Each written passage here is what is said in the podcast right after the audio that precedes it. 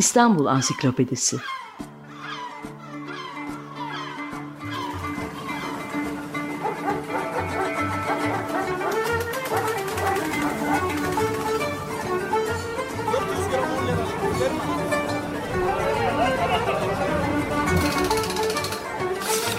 İnsanlar, olaylar, mekanlar, gelenekler ve ihtiyaçlar üzerinden şehrin tarihinden sayfalar.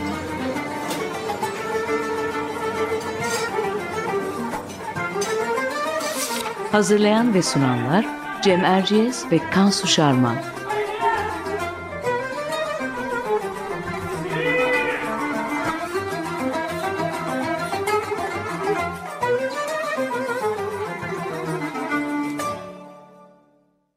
Merhaba, ben Cem Erciyes. Açık Radyo'da Kansu Şarman'la birlikte hazırladığımız İstanbul Ansiklopedisi'nin 3. programındayız. Bu hafta program konumuz Büyükada Rum Yetimhanesi. Biliyorsunuz Büyükada'daki bu tarihi bina son yıllarda yorgun ve harap vaziyetteydi. Geçen haftalarda restorasyonu konusunda yeni gelişmeler oldu. İstanbul Ansiklopedisi'nde biz de o nedenle bu konuyu ele alalım istedik. E, konuyla ilgili de gayet e, konuya hakim hakim bir konuğumuz var. E, Büyükada Rum Yetimhanesi hakkında en yetkin isimlerden birisi Rum Vakıfları Derneği Başkanı Laki Vingas bizimle birlikte. Hoş geldiniz Laki Bey. Hoş bulduk. Teşekkür Hoş ederim. Geldiniz. Konuyla ilgili bir ö, özet yapmak gerekirse eh, Avrupa'nın en büyük, dünyanın ise ikinci en büyük ahşap yapısı olduğu söylenen ve yaklaşık 120 yıllık bir geçmişe sahip olan e, İstanbul Rum Yetimhanesi'nin, e, Büyükada Rum Yetimhanesi'nin İstanbul'un 20. yüzyılına tanıklık eden bir kent mirası olduğunu söyleyerek söze başlamak lazım sanırım. E, yapının fotoğraflarını e, uzaktan da olsa kendisini görenler de zaten e, şunu fark ediyorlar ki hemen o devasa cüssesiyle, metruk haliyle e, gerçekten ilham verici, e, gerçekten geçmişte bugün arasında bir e, köprü kuran ve gerçekten çok şeye şahit olduğunu hissettiğimiz bir yapı. Ama bu işin tabii romantik kısımları. Bunun ötesinde e, yapı tekrar hayata kavuşturulamıyor. Neden? İşte birazcık bunlardan bahsetmek gerekiyor belki de. Yaklaşık iki yıl kadar önceydi yanlış hatırlamıyorsam Europa Nostra ve Avrupa Yatırım Bankası tarafından Avrupa'nın tehlike altındaki yedi kültürel mirası arasında gösterildi Rum Yetimhanesi. Yıllardır çökme tehlikesi altında beş katlı bir yapı. Uzun zamandır çökme tehlikesiyle karşı karşıya olduğu için de ziyaretçiye kapalı bu yetimhane ve Fener Rum Patrikhanesi'nin görevlendirdiği bir görevli var içinde. Başka hiç kimsecikler yok. Rum Yetimhanesi binasının enteresan bir geçmişi var. Konuğumuza sorularınızı sormaya başlamadan, sözü Laki Bey'e vermeden önce eh, Kansu'ya vermek istiyorum sözü ki bize bu tarihi özetleyebilsin diye. Kansu. Evet, elbette. E, aslında 1890'lı yılların sonunda e, dönemin ünlü mimarlarından Alexander Valory tarafından bir Fransız şirket için lüks bir otel olarak tasarlanmış. E, o dönem İstanbul'un çok milletli yapısını yansıtan ve kültürel hayatın zenginliğiyle anılan Prens Adaları e, pek çok etnik kökenden farklı inançlara sahip insanların sayfiye mekanı olarak kullandığı gözler arası, gözde yerler arasında tabii. İsa Tepesi denilen yere inşa edilen Principio Palace Oteli de 200 206 oda, 3 yemek salonu, tiyatro ve dans salonlarıyla Osmanlı başkenti İstanbul'dan hali vakti yerinde misafirlerini ve yurt dışından gemilerle yahut Orient Express ile gelen turist konuklarını da bekliyormuş. Ancak Osmanlı yönetimi bu yapının otel ve kumarhane olarak kullanılmasına müsaade etmiyor. E, bu noktada İstanbul'un en ünlü bankerlerinden Yorgo Zarifi ve eşi Eleni Zarifi binayı satın alarak Rum Ortodoks Patrikhanesi'ne bağışlıyor. Sultan II. Abdülhamit de yetimhane olarak hizmet verecek binayı hem devir vergisinden hem de emlak vergilerinden muaf tutmuş. Binanın açılışı 21 Mayıs 1903'te gerçekleştirilmiş. E, o gün için yetimhane 150 yetim çocuğun kalacağı şekilde faaliyete geçmiş. Şimdi bu kısa tarihçeyi verdikten sonra binanın hikayesiyle ilgili asıl detayları konuğumuz Lucky Vingas'a soralım. E, Lucky Bey, e, önce e, Rum Yetimhanesi binasını fiziki olarak bize bir tarif eder misiniz? Ahşap olarak inşa edildiğini biliyoruz. Kaç katlı, nasıl ısınıyor, idaresi nasıl yapılıyor, idare olarak kime bağlı o zamanlar? e, başlangıç aşamasındaki durumu sizden öğrenebilir miyim? Tabii ben e, teşekkür ederim e, bu üçüncü programınızda bu kadar önemli bir binaya, bu kadar büyük önemli bir kültür mirasına e, yer verdiğiniz için gerçekten çok önemli. E, bu binanın muhtelif e, önemli tarafları var. Yani hem mimari açıdan hem konum açısından hem temsil ettiği sosyokültürel yapı açısından önemli bir bina. E, aynı zamanda Osmanlı döneminin ahşap mimari mirasının önemli örneklerinden bir tanesi. O açıdan da e, özel bir yeri var bu binanın. Dediğiniz gibi 5 katlı, 206 odalı dev bir bina. Ama aynı zamanda e, bu kadar yüksek bir binayı ahşap olarak e, imal eden o dönemin şartlarında gerçekten daha sonra betonarme sistemi uygulandı. E, bu, bu sistem özellikle bu tipoloji binalara yer verilmedi İstanbul'da. Ancak önemli bir e, miras olduğu için, böyle bir mimari bir miras olduğu için e, çok da günümüze kadar herkesin dikkatini çekiyor. Maalesef bulunduğu konum itibariyle ve şu andaki dediğiniz gibi metruk haliyle insanlara nostaljik bir ilham veriyor. Ama önemli olan bu nostaljiyi, bu romantizmi üretken hale getirip bu binayı gerçekten İstanbullulara katma değerler yaratacak şekilde restore etmek, korumak veya koruyabildiğimiz kadar korumak, e, realist olmamız gerekiyor. Belki tamamı korunamasa da bir kısmı korunabilecek. Ancak bu binanın yapısal itibariyle e, mimari özelliklerinden dolayı e, mutlaka e, korunabildiği kadar korunması gerektiğine inanıyoruz. Biz e, tarihçesini siz iyi anlattınız. E, özellikle Eleni Zarifi, o zaman Yorgo Zarif vefat etmişti. Bankerin dul eşi alıyor. Önce dediğiniz gibi Orient Express oteli olarak e, Vagonli şirketi burayı çok önemli bir mimar e, Valori'ye yaptırıyor. E, fakat e, otel olarak kullanılmasına müsaade edilmiyor. Ondan sonraki e, Birinci Dünya Savaşı, mülteciler, göçmenler vesaire bir sürü yani toplumlar tarafından kullanılıyor. Kureli askeri e, e, şeyi e, okulu da bir şekilde oraya konuşlanıyor. Dönemsel olarak hep öyle sıkıntılarla, savaşlarla mücadele etmiş bir bina.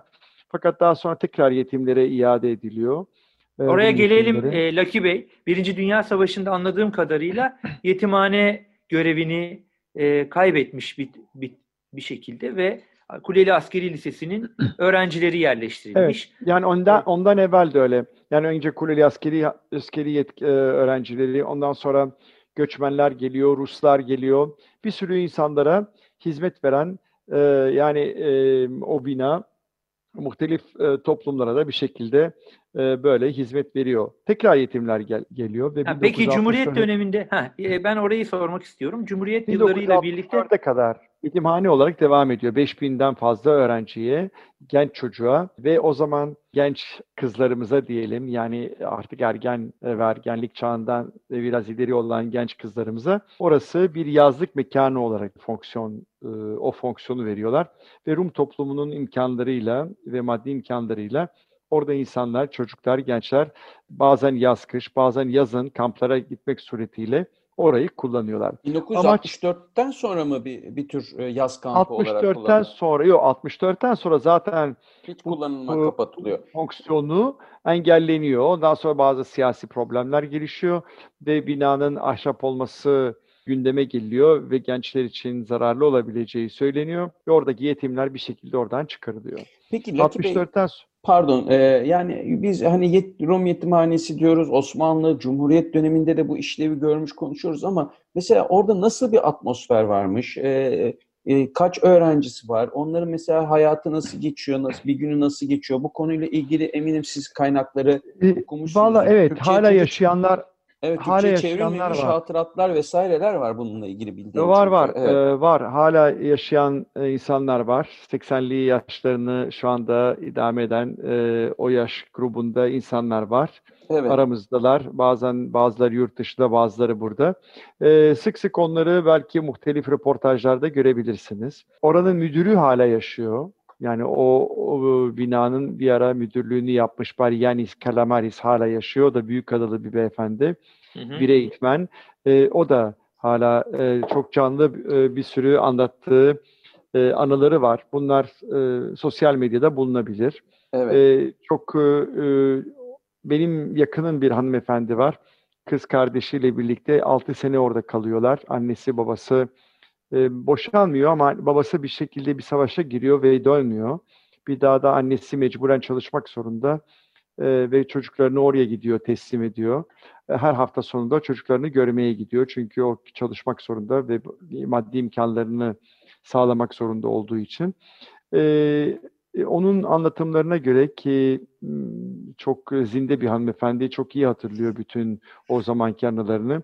Çok mutluydular. Yani hem okul e, faaliyetlerini yani normal bir eğitim alıyorlardı. Hem de hep birlikte yemek yiyorlardı. Hem e, spor etkinliklerini, kültürel etkinliklerini, tiyatrolar, e, ne bileyim ben müzik e, konserler vesaire sağa sola gidip başka ilçelerdeki kiliselerde koro olarak gidip yılbaşı şarkılarını söyleyen gruplar halinde hı hı. vesaire bir sürü etkinlikleri varmış.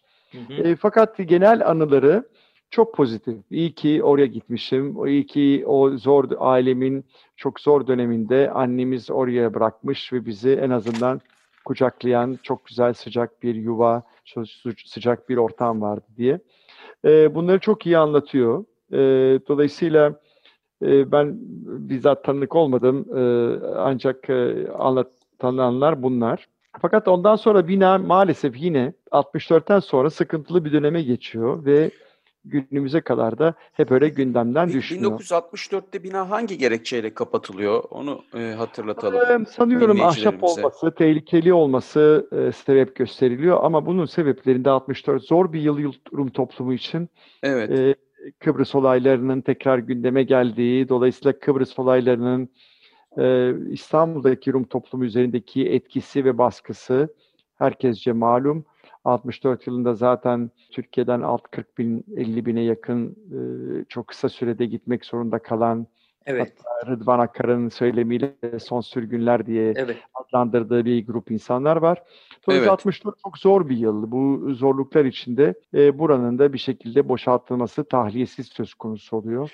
Yıllar sonra e, bunun farklı bir boyutu gelişiyor e, ve e, yani hükmü şahsiyeti, tüzel kişiliği ve oranın mülkiyet aidiyeti sorun e, olarak önümüze çıkıyor ve e, mahkemeler süreci başlıyor. Bu sefer e, bu bina Rum Patrikhanesi adına kayıtlı bir tapu. E, fakat Rum Patrikhanesi'nin tüzel kişiliği olmadığı e, savıyla tekrar bir mahkeme süreci başlıyor.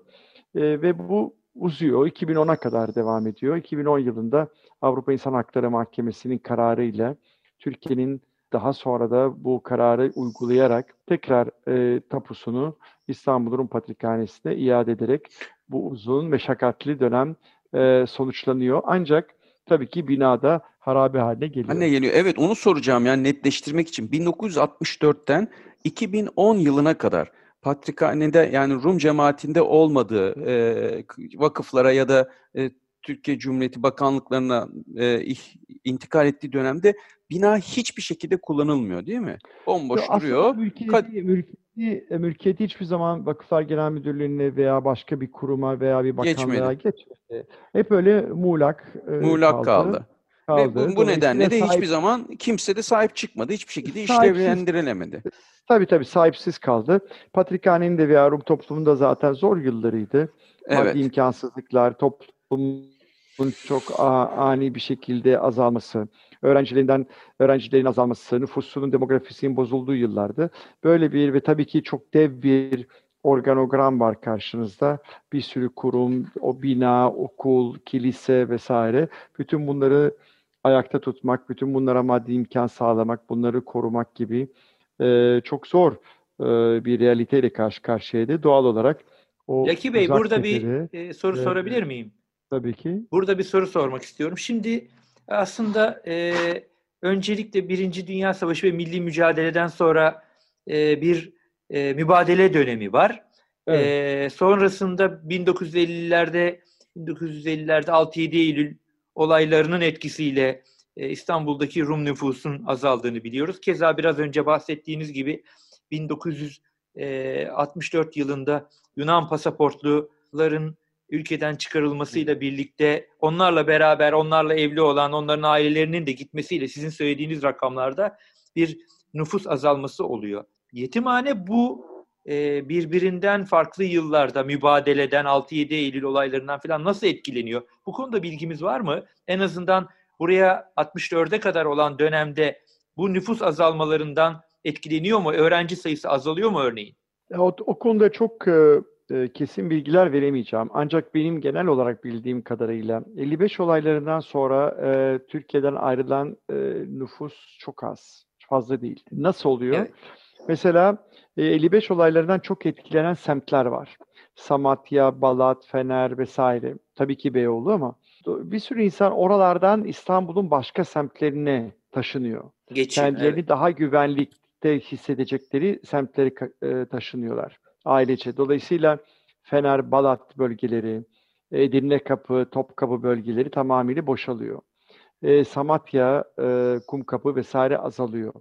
E, daha çok Boğaz'a e, veya Beyoğlu çevresine taşınıyor insanlar, Kurtuluş çevresine taşınıyor. 64 olayları ise çok farklı. 64 olaylarında bir zorla göçe, göçe zorlama söz konusu oluyor. Dolayısıyla e, benim bildiğim kadarıyla mesela şahit olduğum bir aile e, daha sonra tanıdım, 10 yıl önce tanımıştım. E, Balat'tan Yeniköy'e taşınıyorlar.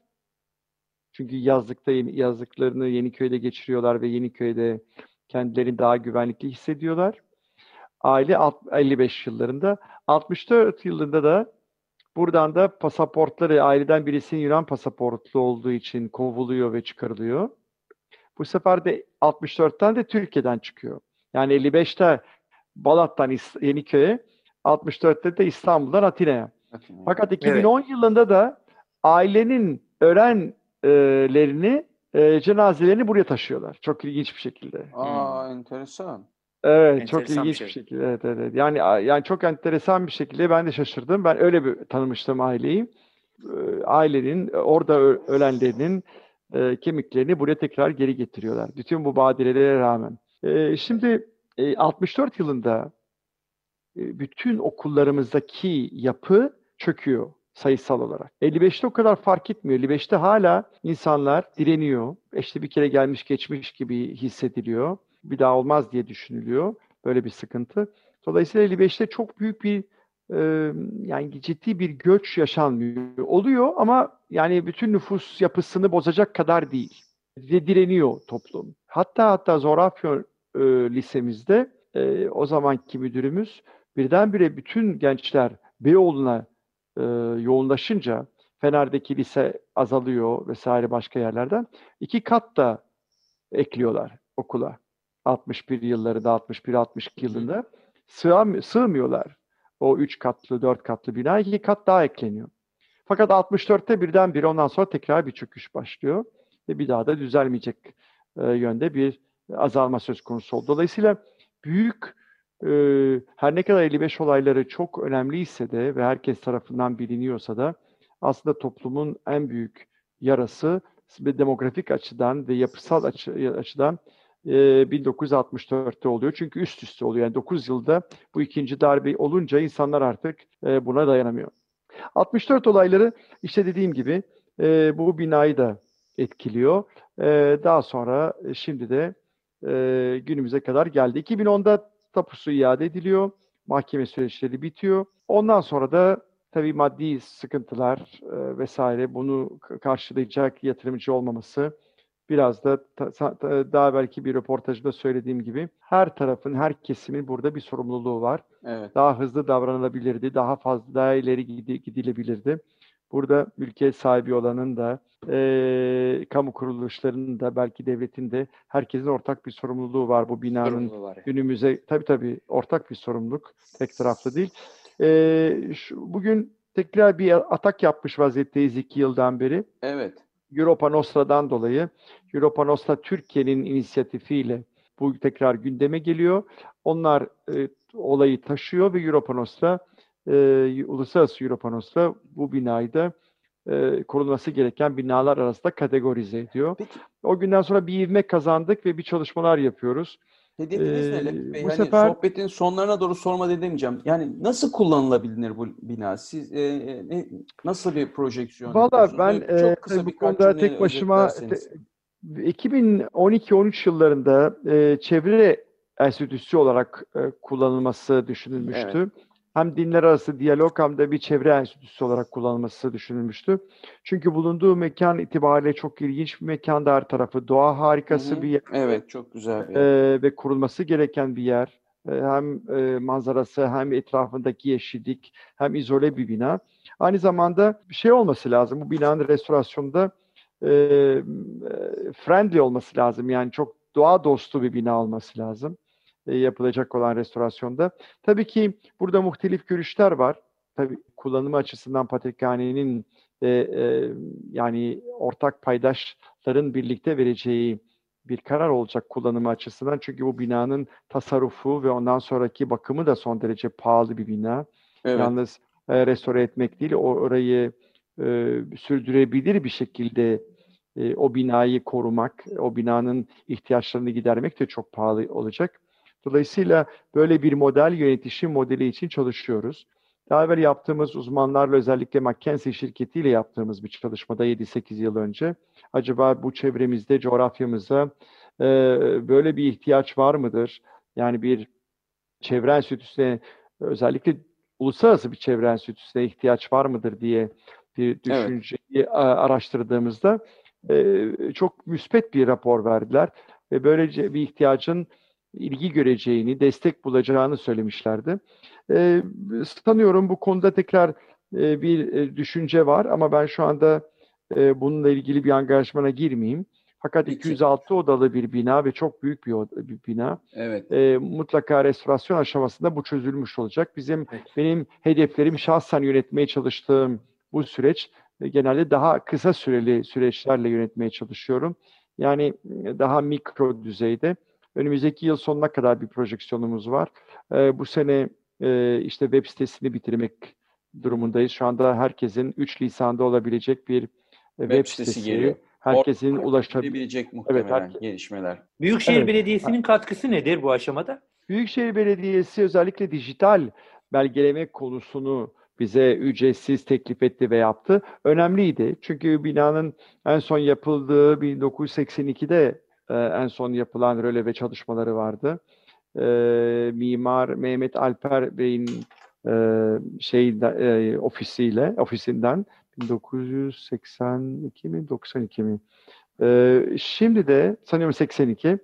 E, şimdi de e, tekrar dolayısıyla o belgeler çok eski kaldı. Bir daha baştan yapılması gerekiyor pardon 1991-92'de oldu ben düzeltiyorum 82. Hı. Şimdi e, Anıtlar Kurulu tabii ki o eski belgeleri geçerli görmüyor haklı olarak. Tekrar ölevesi yapılması gerekiyordu. O açıdan dijital belgeleme çok önemliydi. Bunu da İBB yaptı. Biz de yine e, BİMTAŞ, e, İBB'nin bir şirketi. E, röleve çalışmalarında onlara verdik. Çünkü bütün dijital çalışmaları onlarda olduğu için daha verimli olacağını düşündük. Orada e, bir sürü yapılan çalışmalar var, binlerce fotoğraflar var, e, skenler var, e, bir sürü drone çalışmaları var vesaire nokta bulut çalışmaları var. Şimdi e, bu aşamadayız. Dolayısıyla önümüzdeki 1-2 ayda röleve çalışmaları da tamamlanmış olacak. E, sanıyorum ki Ocak sonuna kadar bu biterse ondan sonra restitüsyon ve restorasyon sürecine girmiş olacağız ki o zaman zaten yönetişim modeli ve nasıl kullanacağına dair, kullanılacağına dair e, yöntemlerde belirlenmiş olacak. Evet.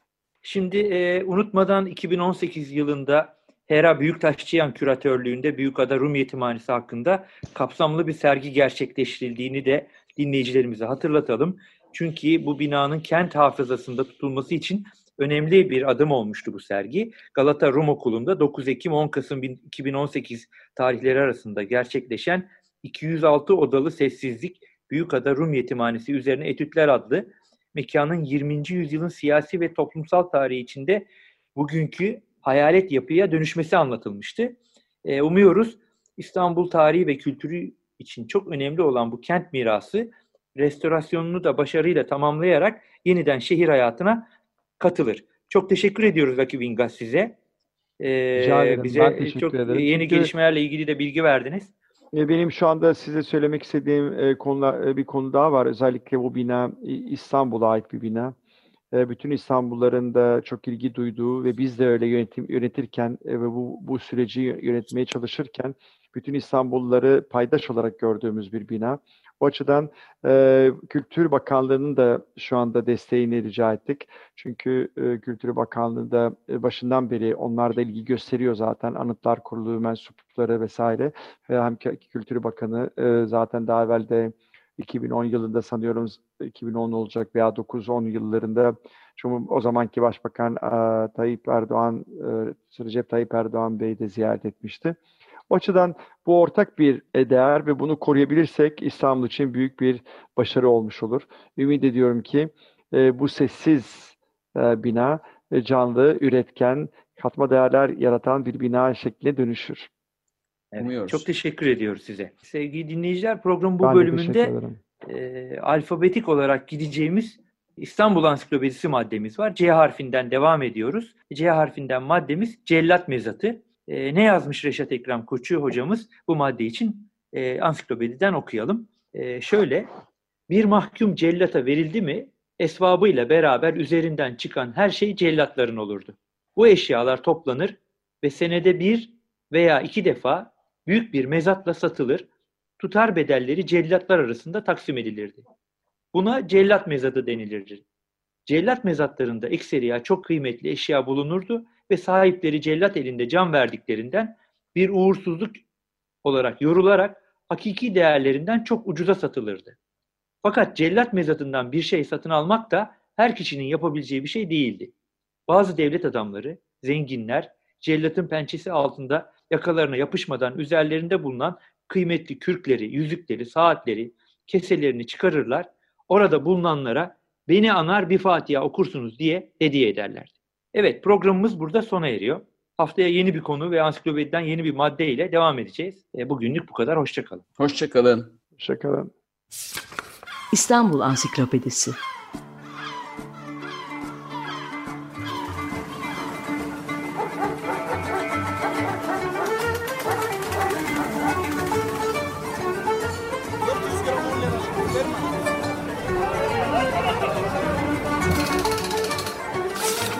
İnsanlar, olaylar, mekanlar, gelenekler ve ihtiyaçlar üzerinden şehrin tarihinden sayfalar.